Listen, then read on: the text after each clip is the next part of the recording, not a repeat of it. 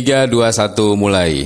Alhamdulillah kali ini saya bikin podcastnya nggak sendiri karena beberapa hari yang lalu sebenarnya uh, saya dan juga teman-teman begitu konsen juga nih untuk terus menyuarakan apa itu COVID-19, bagaimana kita bisa memutus mata rantai uh, virus ini karena memang penyebarannya begitu cepat ya. Memang kalau kita berbicara mengenai uh, penyakit yang mematikan kan bukan hanya soal virus uh, corona, tapi juga di Indonesia masih juga uh, kita bermasalah dengan misalnya TBC dan lain sebagainya. Tapi uh, corona ini menjadi perhatian publik karena penyebarannya begitu cepat dan kemudian membuat sebagian dari yang terkena itu akhirnya meninggal begitu. Nah, saya akan berbincang nih uh, melalui aplikasi Zoom sudah terhubung kita akan sapa terlebih dahulu. Ini adalah Dr. Asep Hermana, spesialis bedah. Uh, beliau juga sebagai Ketua ID Kabupaten Kuningan. Selamat malam, Assalamualaikum Pak Dokter. Waalaikumsalam. Sebenarnya mungkin pertanyaan pertama kita ingin mengetahui kondisi terkini bagaimana para pasien kita yang sudah ada di rumah sakit, mungkin juga di beberapa rumah sakit, dok. Kabarnya seperti apa hingga hari ini? Ya, baiklah teman-teman sekalian, sahabat-sahabat mungkin yang lagi menyimak podcastnya Om Subhan ini. Mm -hmm. Alhamdulillah kalau kondisi Kabupaten Kuningan sendiri masih ada beberapa pasien yang dirawat sekarang.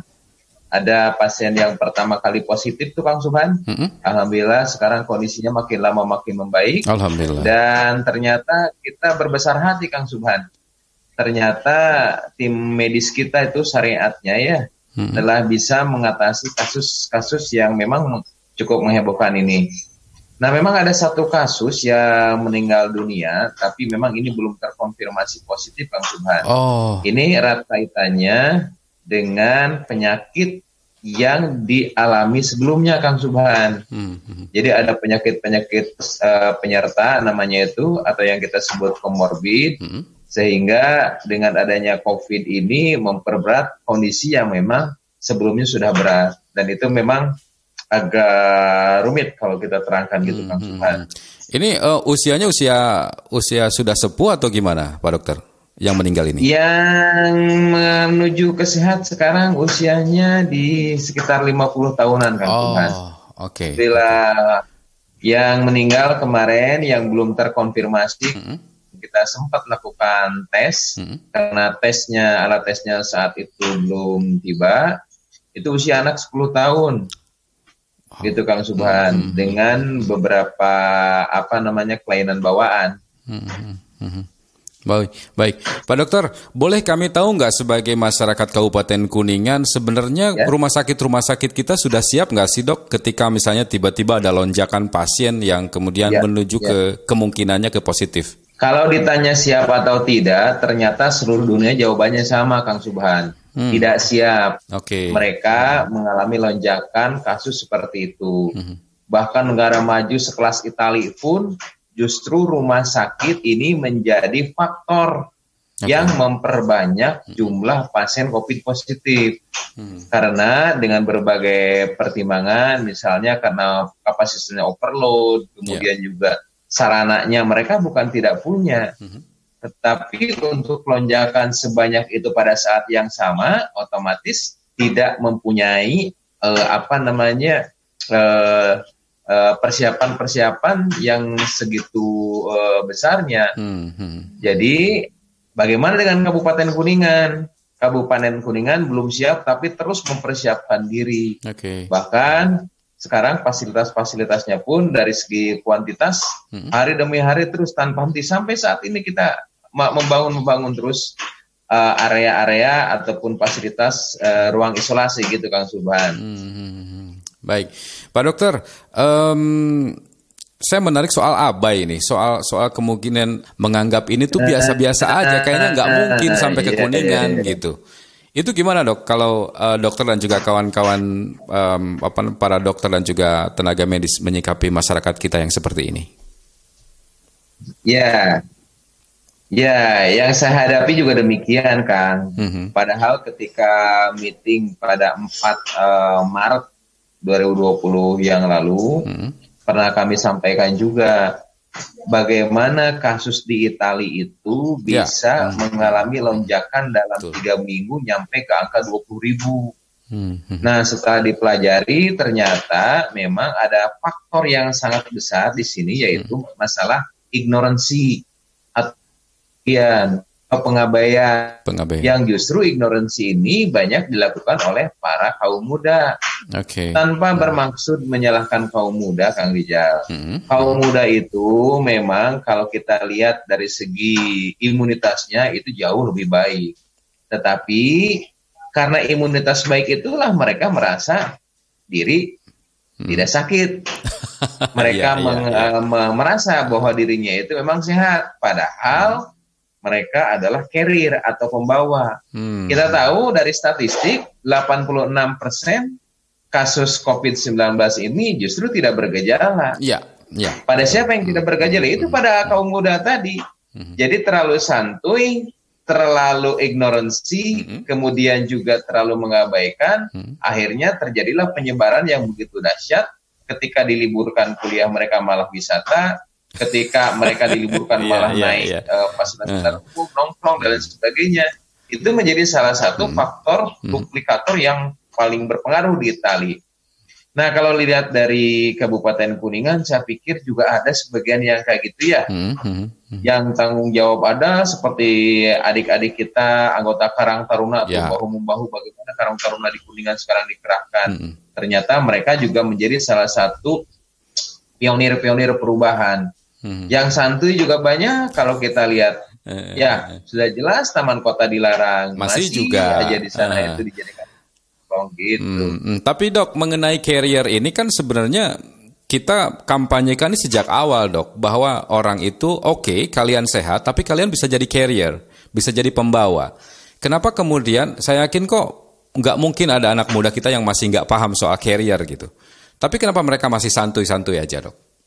Ya, yang jelas tidak semua orang paham itu akan berubah perilakunya kan. Oh. Ibarat orang paham bagaimana bahaya merokok, belum tentu mereka itu berhenti, berhenti merokok. merokok, betul betul. Ibarat orang, misalnya mereka dianjurkan untuk berhenti mengkonsumsi minuman keras, tapi bukan mereka tidak tahu sebetulnya. Nah Hmm. ini kemungkinan juga yang terjadi pada kasus sekarang. Hmm, hmm. Jadi mereka kadang-kadang sudah tahu, tapi mungkin mereka menganggap, ah itu kan kasus di Wuhan, Iya. itu kan di Itali, itu kan di Spanyol, Hmm, hmm, hmm, hmm. udah nama dekat ke sini, itu kan di Jakarta. Nah, ketika nambah masuk ke Kuningan, Eh, eh. nah kadang-kadang ini baru Oke, sadar oke. bahwa di Kuningan juga ternyata ada yang positif. Hmm, Kalau sudah demikian, memang ini eh, sebuah keterlambatan. Hmm. Jadi menurut saya sih eh, apa intinya ada beberapa faktor pengendali di sini yang harus jalan. Hmm, Satu, bagaimana para guru mengendalikan pola pikir anaknya mungkin melalui online. hmm, Yang iya. kedua, para orang tua juga mengendalikan pola pikir anak-anaknya. Hmm, Atau mungkin para pengurus-pengurus organisasi di sana mengingatkan. Karena unorganized community ini Hmm. agak rumit melakukan pendekatan. Diumumkan lewat radio, diumumkan lewat mereka mungkin mendengar, tapi Ya. kayak orang tadi udah tahu rokok berbahaya, tapi tetap aja Tapi- ngerokok. tetap aja ngerokok gitu kan. Oke, oke.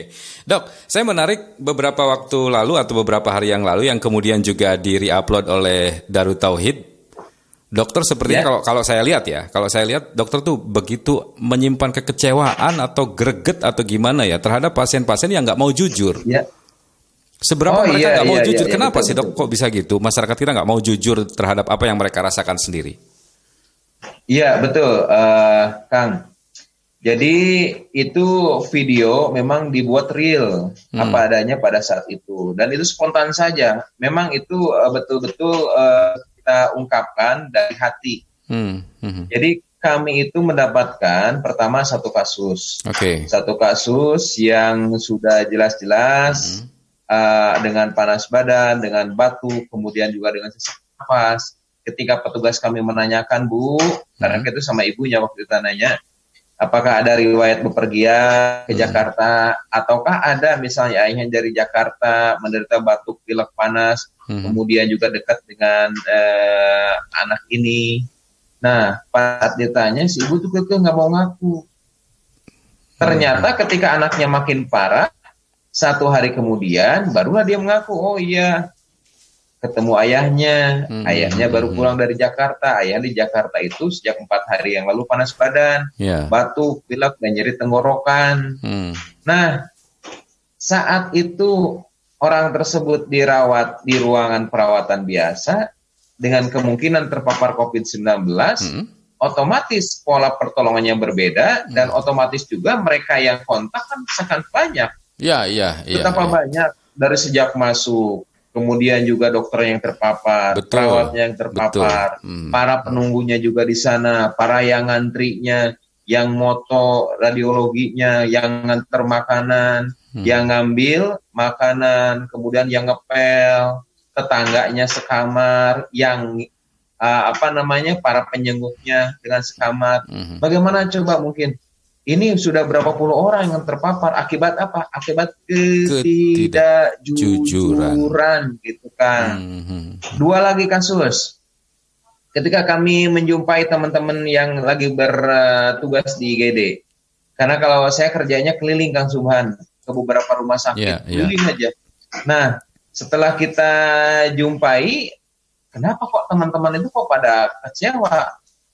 Setelah saya tanya-tanya, dok, itu yang pasien yang tadi masuk itu ternyata mereka ada riwayat kontak dengan yang bepergian ke luar negeri yang sudah terkonfirmasi COVID positif, hmm. tapi mula-mula mereka tidak ngaku. Ini juga yang menjadi kekecewaan kita. Kalau mereka misalnya ngaku, otomatis kan kita sudah siapkan iya. pelayanan terbaik, iya. pelayanan isolasi, kemudian juga pengobatan jauh berbeda Kang Subhan. Hmm. Pengobatan berbeda, kemudian juga kan kita tidak pernah membedakan ini status pasien bayar atau ya, tidak betul, BPJS. Betul, betul. Kita sama sekali di nggak pernah membedakan hmm. itu. Hmm, hmm. Yang membedakan memang protokol. Mungkin hmm. protokol inilah yang membuat mereka itu dianggap aneh karena okay. kan pakai baju astronot semacam itu, iya, iya, mereka iya, mungkin merasa tidak nyaman. Hmm. Analisanya Padahal, apa dok? Analisanya apakah mereka. karena kemudian pasien takut diisolasi, dia sendiri nggak ada yang menemani atau gimana sih? Atau ada yang lebih rumit dari mereka itu? menganggap bahwa ini penyakit biasa, Kang Subhan.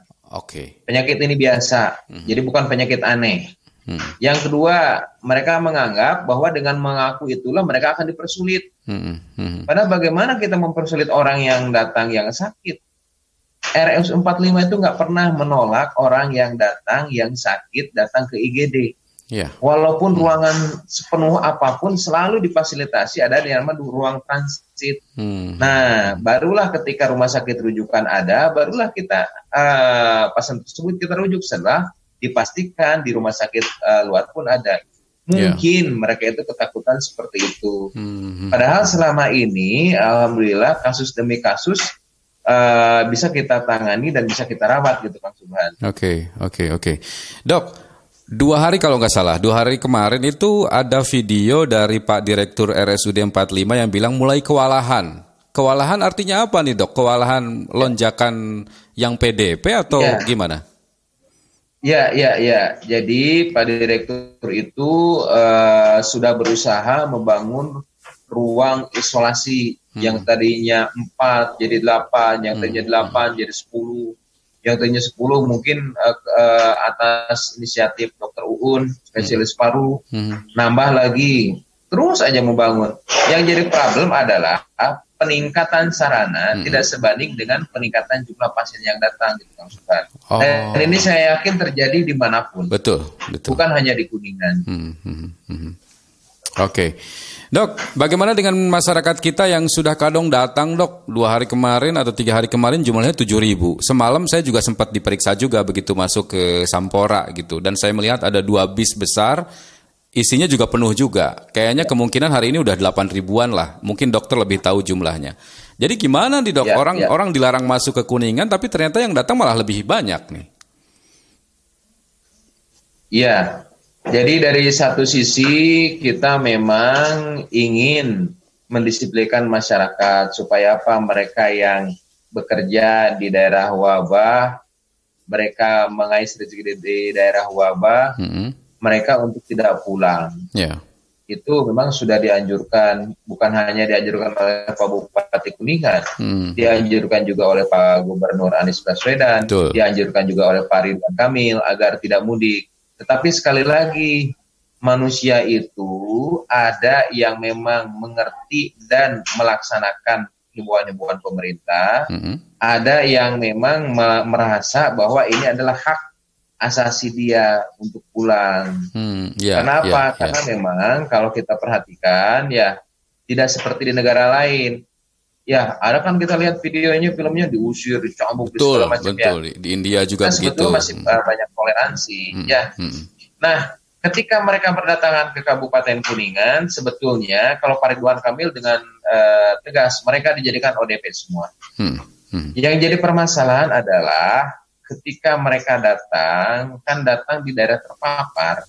Iya. Ya. Hmm. Jadi ada kemungkinan sangat wajar dong ya kalau kita berpikir bahwa mereka itu mungkin ada sebagian yang carrier kan. Betul, mereka betul. tidak bergejala, mereka hmm, tidak merasa hmm, sakit ya. Hmm, hmm. Nah, ketika mereka datang, andai kata sekali lagi mereka itu mengerti dan mereka itu mempunyai tanggung jawab, hmm. tanggung jawab moral, tanggung jawab ilahiyah, tanggung jawab terhadap kebaikan sesama manusia, sebetulnya seharusnya mereka itu menyadari bahwa mereka berkewajiban untuk mengisolasi diri 14 hari. Oke. Okay. Saya tidak tahu persis angka mereka yang mengisolasi diri itu. Hmm. Apakah sebagian besar hmm. mereka menuruti ataukah mereka juga sama? Jadi abai juga. Ignoransi juga. Iya. Saya tidak tahu walau alam itu karena kita uh, tidak mempunyai uh, data dan angka yang pasti gitu Kang Subhan. Hmm, hmm, hmm. Oke, okay. dok. Sebelum saya akan bacakan beberapa WhatsApp yang dikirimkan karena tadi sejak maghrib saya bikin status untuk mereka yang ingin bertanya kepada dokter gitu. Boleh ya dok ya? Nanti di, dijawab ya dok ya. Ya, ya, ya. Tapi ini ada satu ya. pertanyaan dulu dok. Tadi siang kalau nggak salah saya dapat capturean juga dari sebuah media online di Cirebon yang mengatakan satu positif satu positif di Kuningan dan itu baru pulang dari Jakarta. Itu terkonfirmasi nggak dok berita itu dok?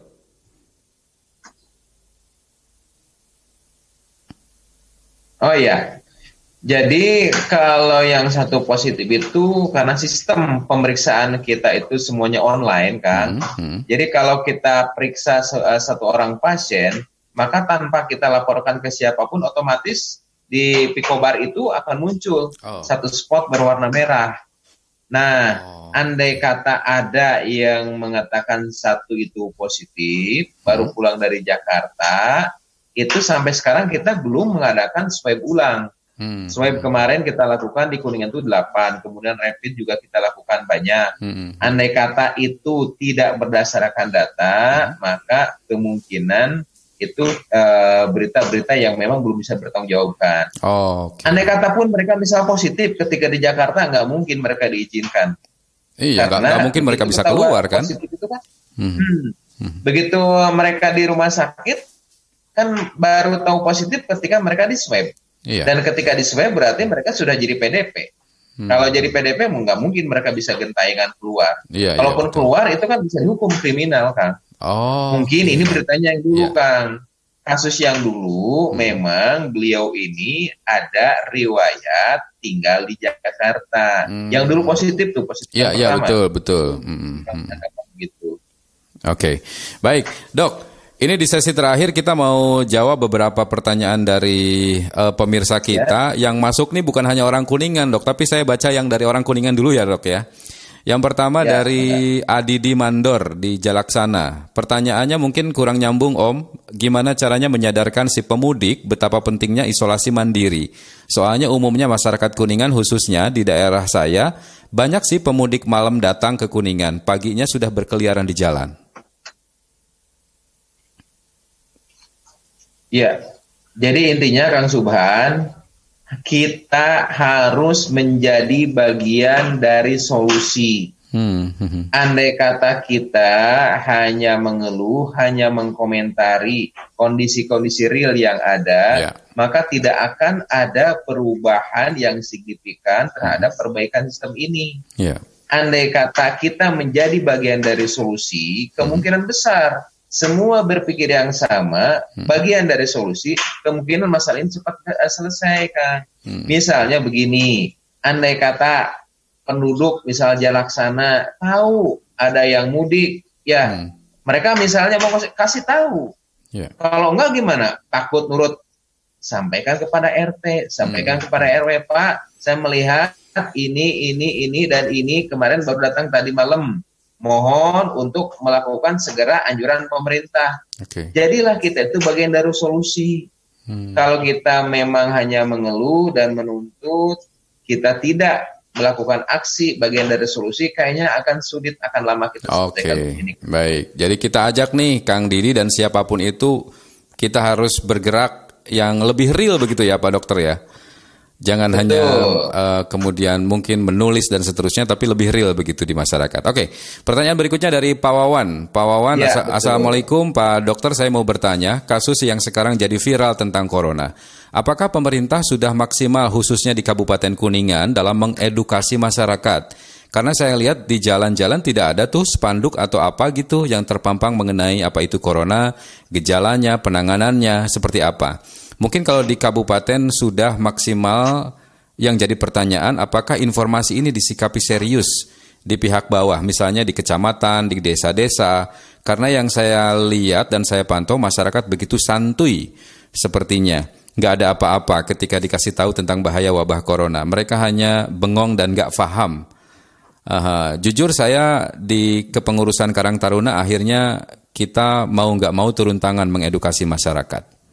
Ini dari timbang ini. Ya. Silahkan, Pak Dokter.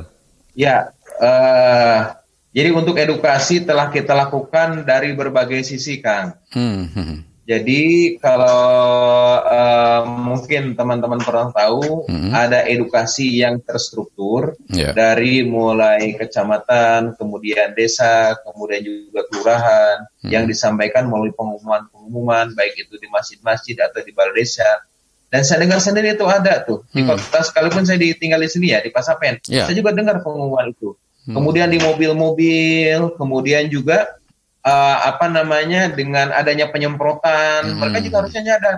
Oh kok ada kasus seperti ini ya? Yeah, Tapi yeah. sekali lagi yang namanya perilaku itu kadang-kadang tidak bisa berubah dengan hanya himbauan-himbauan. Betul, betul. Harus betul. ada kesadaran dari dalam diri. Hmm, hmm. Ini mungkin yang pernah saya utarakan iri dengan orang Jepang ya. Hmm, Ketika hmm. mereka disampaikan uh, harus di diam di rumah, diam, diam di rumah begitu ya. ya. betul, betul. Nah, hmm. kalau masyarakat kita mau dikerasin uh, salah juga, mau mereka... di, dipentungin juga kayak di India juga kayak gitu ya. Eh. Kita juga mungkin masyarakat kita lebih galak, Pak Dokter. Nah, saya pikir begini ya, saya pikir uh, beginilah. Uh. Coba, andai kata di zaman medsos seperti ini, hmm. masa sih nggak tahu? Coba kan. Iya sih, betul. Coba betul. aja kita pikirkan. Hmm. Yang ini aja, masa sih nggak pernah megang HP? Hmm. Masa sih ketika megang HP nggak tahu ada berita tentang corona? Hmm. Masa sih nggak pernah lihat di TV? Masa sih nggak pernah baca di koran? Yeah. Saya pikir nggak mungkin lah orang pun yang nggak tahu. Betul betul. Ya pemuda pun yang nggak tahu. Yang banyak itu mereka yang ignorant bahasa Inggrisnya tepaduli gitu Sabodo ya. Teing. Nah, nah, gitu. Berikutnya nih Pak Dokter dari Kang Jaja di Ciomas. Pri, uh, ada ada WA blasting nih. Mungkin Pak Dokter bisa mengkonfirmasi ini betul atau tidak itu saja karena ini WA-nya panjang sekali. Monitoring uh, dari yang terhormat Dandim 0615 Kuningan perihal monitoring perantau asal Kabupaten Kuningan di Tugu Ikan Desa Sampora. Fakta-fakta hari Senin tanggal 30 Maret jam 1.30 pagi bertempat di pos pam terpadu Tugu Sampora COVID-19 Desa Sampora Kecamatan ya, Cilimus ya, Kabupaten Kuningan. Yang, yang yang itu betul atau enggak, Dok? Bisa terkonfirmasi enggak, Dok? Ya. Jadi setiap laporan, hmm. setiap uh, kegiatan selalu kita koordinasi. Okay. Koordinasi itu ada tim kabupaten, kemudian hmm. ada tim kecamatan, gitu. Jadi berita itu betul hmm. dan tiap malam juga kita koordinasi seperti itu, Kang. Hmm. Baik. Selanjutnya dari Bojong Cilimus, ini Eva di Bojong Cilimus apa ada teman anak ada teman anak yang punya gejala tapi dia tidak mau diperiksa karena takut diisolasi. Kalau melihat yang seperti ini harus gimana dok? Apakah nanti para uh, medis yang turun langsung atau bagaimana? Atas laporan atau bagaimana dok? Uh, begini, begini sekali lagi ya, sekali lagi memang masyarakat kita itu harus kita lakukan ajakan dan edu, eh, dan edukasi. Hmm. Kalau saja mereka itu menyadari betapa pentingnya mereka artinya sehat, yeah. Dan mereka menyadari betapa masyarakat kita itu ingin terlindung dari penyebaran, hmm. dan mereka menyadari betapa pemerintah daerah itu sampai siang malam berusaha menambah fasilitas, hmm. menambah perlengkapan, mencari APD mencari vitamin C, mencari tambahan gizi. Untuk siapa? Untuk masyarakat Kuningan. Seharusnya mereka itu memanfaatkan yeah. apa yang telah dikerjakan, mm -hmm. apa yang telah diperbuat oleh pemerintah itu untuk siapa kan untuk rakyat Kuningan sendiri. Yeah. Andai yeah. kata itu terjadi dan mereka itu tidak melakukan terapi sesuai dengan yang dianjurkan, mm -hmm. segera laporkan kepada aparat setempat. Apakah nanti akan didatangi oleh puskesmas? Mungkin, sangat oh, mungkin. Oh, mungkin saja ya. Nah, hmm. Iya, karena ini merupakan salah satu bagian dari surveillance, yaitu okay. menemukan kasus sedini mungkin dan sebanyak mungkin, kan. Hmm, hmm, hmm. Baik, berikutnya dari Tina dari Kota Tegal mau bertanya, kalau karantina wilayah itu akan tetap didatangi dokter atau bagaimana ke rumah-rumah? Begini, sumber daya tenaga medis itu sangat terbatas. Oke. Okay. Jadi perbandingan dokter dengan jumlah penduduk itu sangat tidak sebanding. Hmm. Jadi kalau di Kuningan sendiri, saya instruksikan seluruh dokter itu tidak boleh turun ke lapangan kecuali hmm. mereka yang bertugas melakukan evaluasi dan strategi program. Oke. Okay. Andai kata dokter terpapar dan mereka berkunjung ke rumah demi rumah demi rumah itu, kita akan mempunyai sumber daya yang sangat terbatas. Hmm. Andai kata mereka terpapar, mereka 14 hari loh harus diam. Iya, nggak boleh kerja Ini lagi. kejadian kan? yang di hmm. Jakarta. Hmm. Hampir 20 persen, kalau nggak salah saya pernah baca, hmm. dokter Jakarta itu terpapar dan mereka harus istirahatkan. Hmm. Hmm. Dokter di Kuningan itu cuma 287. Kalau mereka yang aktif melakukan kegiatan-kegiatan kaitannya dan kebencanaan ini, hmm. boleh saya uh, bilang untuk khusus penanganan kasus ini hanya sekitar 56 orang. Okay. Selebihnya mereka siaga di rumah sakit, siaga di puskesmas. Apalah artinya 56 orang untuk hmm. mengunjungi jutaan uh, penduduk Kuningan. Tuh. Kalau seandainya setiap kasus didatangi. Hmm. Begitu didatangi mereka terkena, otomatis 56 itu mungkin dalam tiga minggu juga sudah habis kan? Sudah habis di lockdown ya, ya, mungkin ya tenaga kesehatan itu 14 hari dia istirahatkan. Okay. Nah lalu siapa? Yang akan mengobati teman-teman. Hmm. Jadi dimohon kesadarannya mungkin bagi teman-teman semua. Ini kita mempunyai sumber daya yang terbatas. Okay. Walaupun kita juga perlu syukuri. Dan kecil kemungkinan sumber daya yang terbatas ini kita minta bantuan Kang. Hmm. Minta bantuan ke kabupaten lain, kabupaten lain juga dari. Iya, sama minta juga. bantuan hmm. pusatnya biasanya kita bantuan ke Jakarta, Jakarta aja masih kekurangan minta bantuan ke Bandung justru di Bandung mereka banyak kasus. Ya, ya, Jadi ya. bagaimana kita memanage sumber daya kesehatan ini khususnya para dokter ini hmm. agar sebanyak-banyaknya bisa bermanfaat bagi sebanyak-banyaknya pasien yang akan kita tolong gitu kan. Baik. Bukan tidak mau dokter turun ke lapangan, hmm. tapi kita berpikir lebih luas lagi. Ini kasus luar biasa, bukan kasus biasa-biasa yang tidak uh, apa namanya tidak uh, menular uh, hmm. dengan mudah gitu kan. Baik, baik. Pak Dokter, kita lanjutkan dari Pak dari Pak Dedi di Bandung. Saya awam Pak Dokter, bagaimana cara gampang mengenali kita atau keluarga terjangkit COVID-19? Satu, Pak, dari riwayat riwayat terhadap hmm. apa? Riwayat terhadap paparan. Okay. Apakah riwayat terpapar misalnya orang yang memang terkonfirmasi virus COVID-19 hmm. ataukah riwayat berdekatan dengan orang yang mungkin pernah diumumkan saya positif hmm. ataukah pernah terpapar dengan orang yang ngantar orang yang sakit dengan kasus COVID-19 hmm ataukah riwayat-riwayat bepergian ke tempat umum di mana tempat umum itu ternyata terkonfirmasi hmm. ada yang positif. Itu riwayat harus dikumpulkan yeah. karena kadang-kadang kita lupa. Yang kedua, gejalanya justru ini, Kang. Hmm. Ini hampir sama dengan penyakit-penyakit flu lainnya. Yeah. Tenggorokan, hmm. demam, batuk. Yang membedakan adalah ketika sudah parah timbul sesek. Yeah. Andai kata sudah timbul sesek kan sudah terlambat. Oh, nah, okay. makanya kita wajib hati-hati dan teliti, hati-hati terhadap bagaimana kita bergaul, bagaimana kita berinteraksi, hmm. teliti bagaimana kita mencermati pernah ketemu siapa aja kita okay. selama perjalanan 14 hari terakhir hmm. gitu kan. Baik. Ini uh, dari Kang Nardi di Kuningan. Ini sebagian mungkin tadi sudah kita bahas nih. Pak Dokter kumaha tuh yang mau mudik maksa pulang karena di Jakarta pada nganggur. Pulang juga takut bawa virus. Jadi dilema katanya.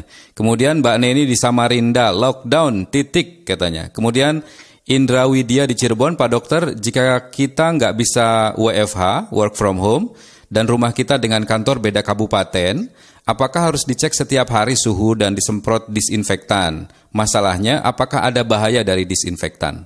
Silahkan dok. Iya, baiklah. Jadi saya pikir kita harus memilih hmm. di antara pilihan yang memang kedua-duanya mungkin tidak enak. Oke. Okay. Sangat wajar hmm. kalau masyarakat memilih misalnya lamun cicing di imah timahan menang duit nah lamun berdiam diri hmm. bagaimana kita bisa bekerja hmm. itu seakan-akan logis kang hmm. hmm. tapi kalau kita berpikir ya karena penyakit ini nggak kelihatan hmm. seakan-akan mereka kan nggak takut beda hanya kalau penyakit ini begitu kena misalnya mukanya tutung hitam ah, kelihatan langsung kan nah, nah kelihatan langsung hmm. hmm. nah karena penyakit ini tidak terlihat, virusnya juga tidak terlihat, hmm. makanya orang-orang banyak yang berpikiran seperti itu. Okay. Nah, bagaimana caranya? Percayanya mah wayah nama atau kudu percaya ke hmm. kesehatan, percaya ke pemerintah. Nurut. Karena apa? Hmm. Karena karena kita kan diberikan ah ilmu masing-masing sama Allah itu berbeda-beda. Iya, iya. Jadi kalau misalnya kita bolehlah memilih di antara pilihan-pilihan yang menurut kita tidak baik, maka pilihlah yang mudorotnya itu paling sedikit hmm. walaupun manfaatnya tidak banyak. Banyak. Begitu kan. Oke. Okay. Oke. Okay. Kalau yang uh, lintas kabupaten itu setiap hari disinfektan masih aman, Dok? Ya, jadi begini.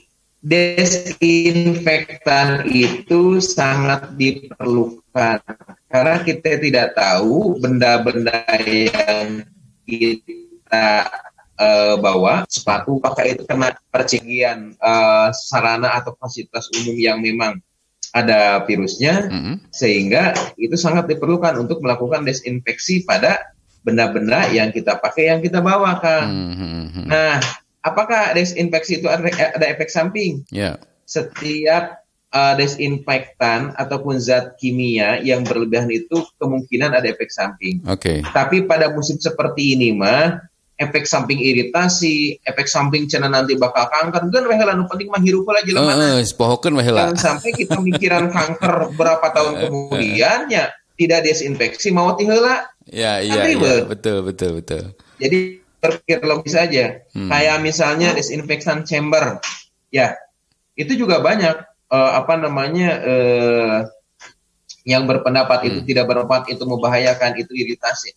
Menurut saya ini kan orang tidak tiap jam pakai chamber itu. Mm -hmm. Mm Ya, paling juga mungkin sehari sekali yeah. atau sehari dua kali lah paling tidak. Mm. Iritasi itu cina ber, berpotensi untuk cancer. Kalaulah cancer itu betul adanya, mm. mungkin baru datang mungkin 10 tahun kemudian.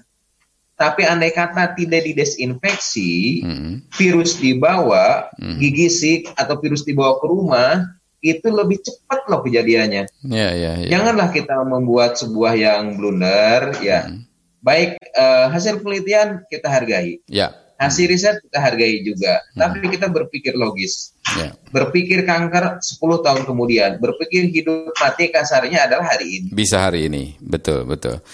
Dari Naila di Tangerang, apakah seseorang yang baru datang ke kota asal atau mudik itu wajib wajib diisolasi 14 hari di rumah? apakah ada semacam vitamin yang diberikan petugas? Baik, jadi ini sudah dimaklumatkan hmm. oleh dua gubernur, oleh Gubernur Pak Anies Baswedan. Hmm. Berarti kalau Tangerang itu kan provinsi Banten. Ya. Ya. Andai kata habis berpergian di Jakarta atau apalagi Tangerang itu kan berhimpitan dengan eh, DKI. Andai kata sudah uh, melalui daerah-daerah tersebut, hmm. maka lakukanlah self isolation okay. 14 hari berdiam diri hmm. karena tidak tahu mungkin yang uh, baru mudik tadi itu adalah carrier. Ya, nah, vitamin apa yang bagus? Sebetulnya banyak, Kang. Cuma yang dianjurkan hmm. oleh beberapa uh, apa namanya badan kesehatan dunia adalah hmm. vitamin C dosis tinggi, yaitu okay. 1000 mg per hari. Itu yang hmm. pernah dicanangkan oleh ID dan sekarang juga uh, sedang berlangsung, Kang. Pembelian okay. 10.000 vitamin C dosis tinggi bagi tenaga kesehatan. Oh, Walaupun kenyataannya tidak 10.000, Kang. Hmm. Hmm. Kita mungkin nambah jadi 30.000, Kang. Iya, iya, gitu. iya. Ya. Baik. Oke, selanjutnya kembali ke Bandung. Pak Didi Sunardi di Bandung. Benarkah kalau sudah sembuh dari COVID, tinggal menunggu mati? Ada video yang beredar seorang dokter Cina mengatakan begitu. Benar atau tidak, dok? Begini, Pak. Urusan uh, seorang itu terkena positif negatif dari COVID, kemudian juga dia jatuh ke dalam sakit. Hmm. Teori klasik mengatakan ada tiga faktor Faktor hmm. pertama ada faktor virulensinya. Yeah. Jadi seberapa jahat, seberapa uh, apa namanya kuat itu virusnya. Hmm. Yang kedua adalah jumlah virusnya mungkin yang masuk dan yang ketiga adalah faktor daya tahan tubuh. Oke. Okay.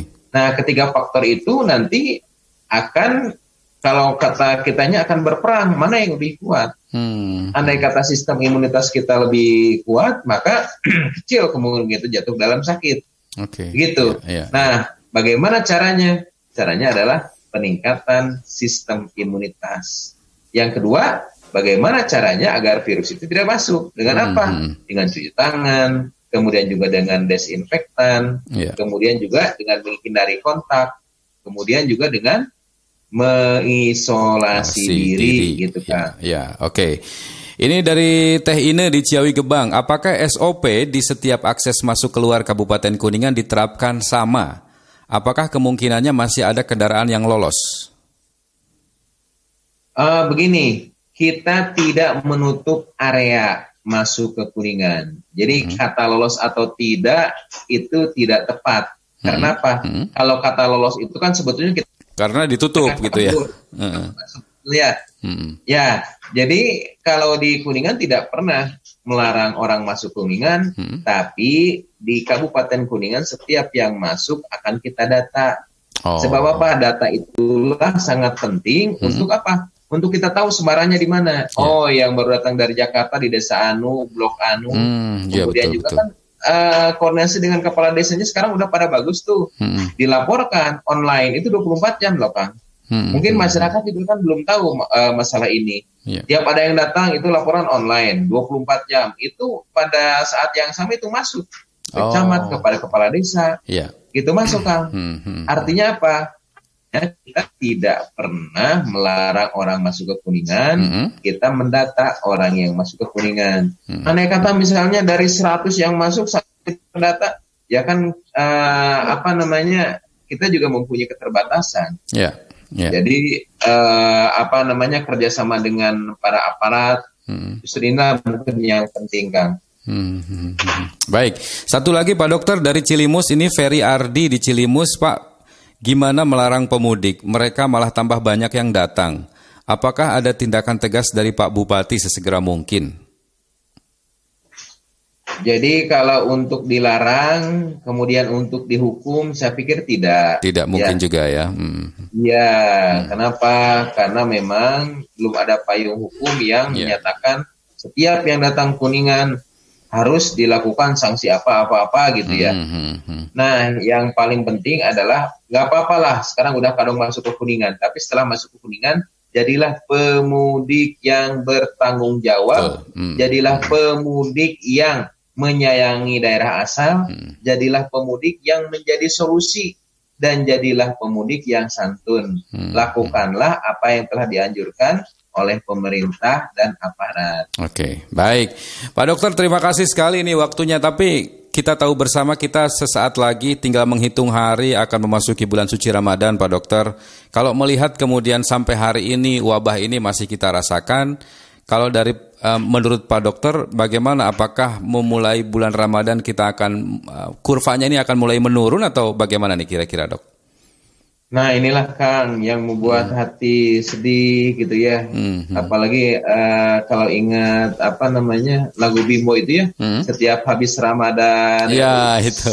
Dan uh, ini juga apa namanya yang uh, saya pikir dirasakan oleh teman-teman bersama lah semuanya. Hmm. Nah bagaimana caranya agar Ramadan kita itu bisa uh, sampai kepada kita, kita bebas uh, dari COVID. Hmm. Mulai besok semua yang tidak kepentingan berdiam diri di rumah. Hmm. Mudah-mudahan 14 hari kemudian kita akan sambut matahari baru hmm. tanpa adanya penambahan kasus baru. Amin, amin, amin ya Allah. Terakhir Pak Dokter, mungkin Pak Dokter ingin memberikan pesan baik itu ke anak muda, baik itu ke siapa pun, bukan hanya di Kuningan tapi di seluruh Indonesia yang juga kemungkinan menonton video ini melalui YouTube. Silakan Pak Dokter. Iya. Satu berhentilah mengeluh Hmm. Yang kedua, jadilah bagian dari solusi. Okay. Yang ketiga, taati apa yang diperintahkan oleh para pemegang kebijakan, hmm. karena justru itulah kasih sayang yang disampaikan oleh pemerintah kepada kita semua. Itu aja Kang Kijang. Hmm. Baik. Pak Dokter, terima kasih. Salam untuk para dokter dan juga para tenaga medis. Sehat selalu Pak Dokter. Iya. Baik. Jangan lupa jadikan diri kita. Baik. Baik, sepertinya ini agak gangguan ini suaranya. Tapi terima kasih Pak Dokter sudah bersama kami. Assalamualaikum Pak Dokter.